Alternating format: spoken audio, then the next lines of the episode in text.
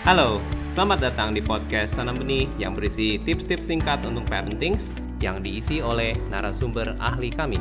Ingatlah untuk follow dan enjoy. Anak saya laki-laki usia 11 tahun, tapi belum punya rasa tanggung jawab dan kemandirian terhadap tugas sekolah, tugas rumah. Anak lebih mementingkan main sama teman dan main HP daripada ngerjain tugas. Gimana caranya supaya anak bisa punya rasa tanggung jawab dan bisa mandiri? Nah, kalau anak kurang punya sense of being productive, maka dia tidak akan peduli dengan yang namanya tugas dan prestasi sekolah. Tidak akan terbiasa punya target dan berencana.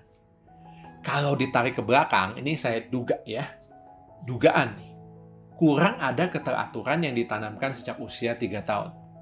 Jadi kurang mengerti soal batasan ini hanya dugaan ya, hanya dugaan. Karena sejarahnya perlu dilihat. Artinya perilakunya yang lebih mementingkan main dengan teman, main gadget itu muncul sejak kapan?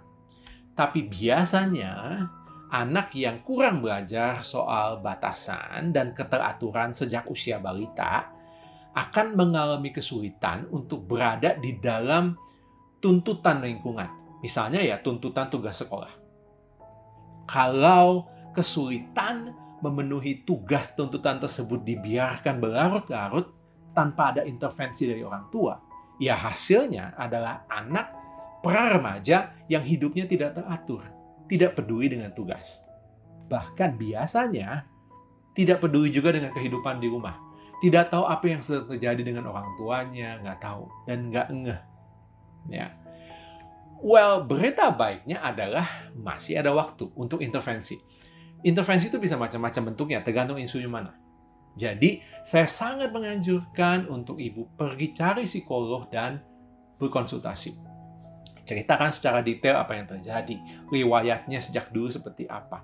Nanti, psikolog akan tahu intervensi yang paling tepat untuk orang tua dan anak. Oke, semoga membantu dan jangan putus asa. Anda baru saja memperluas pengetahuan parenting Anda.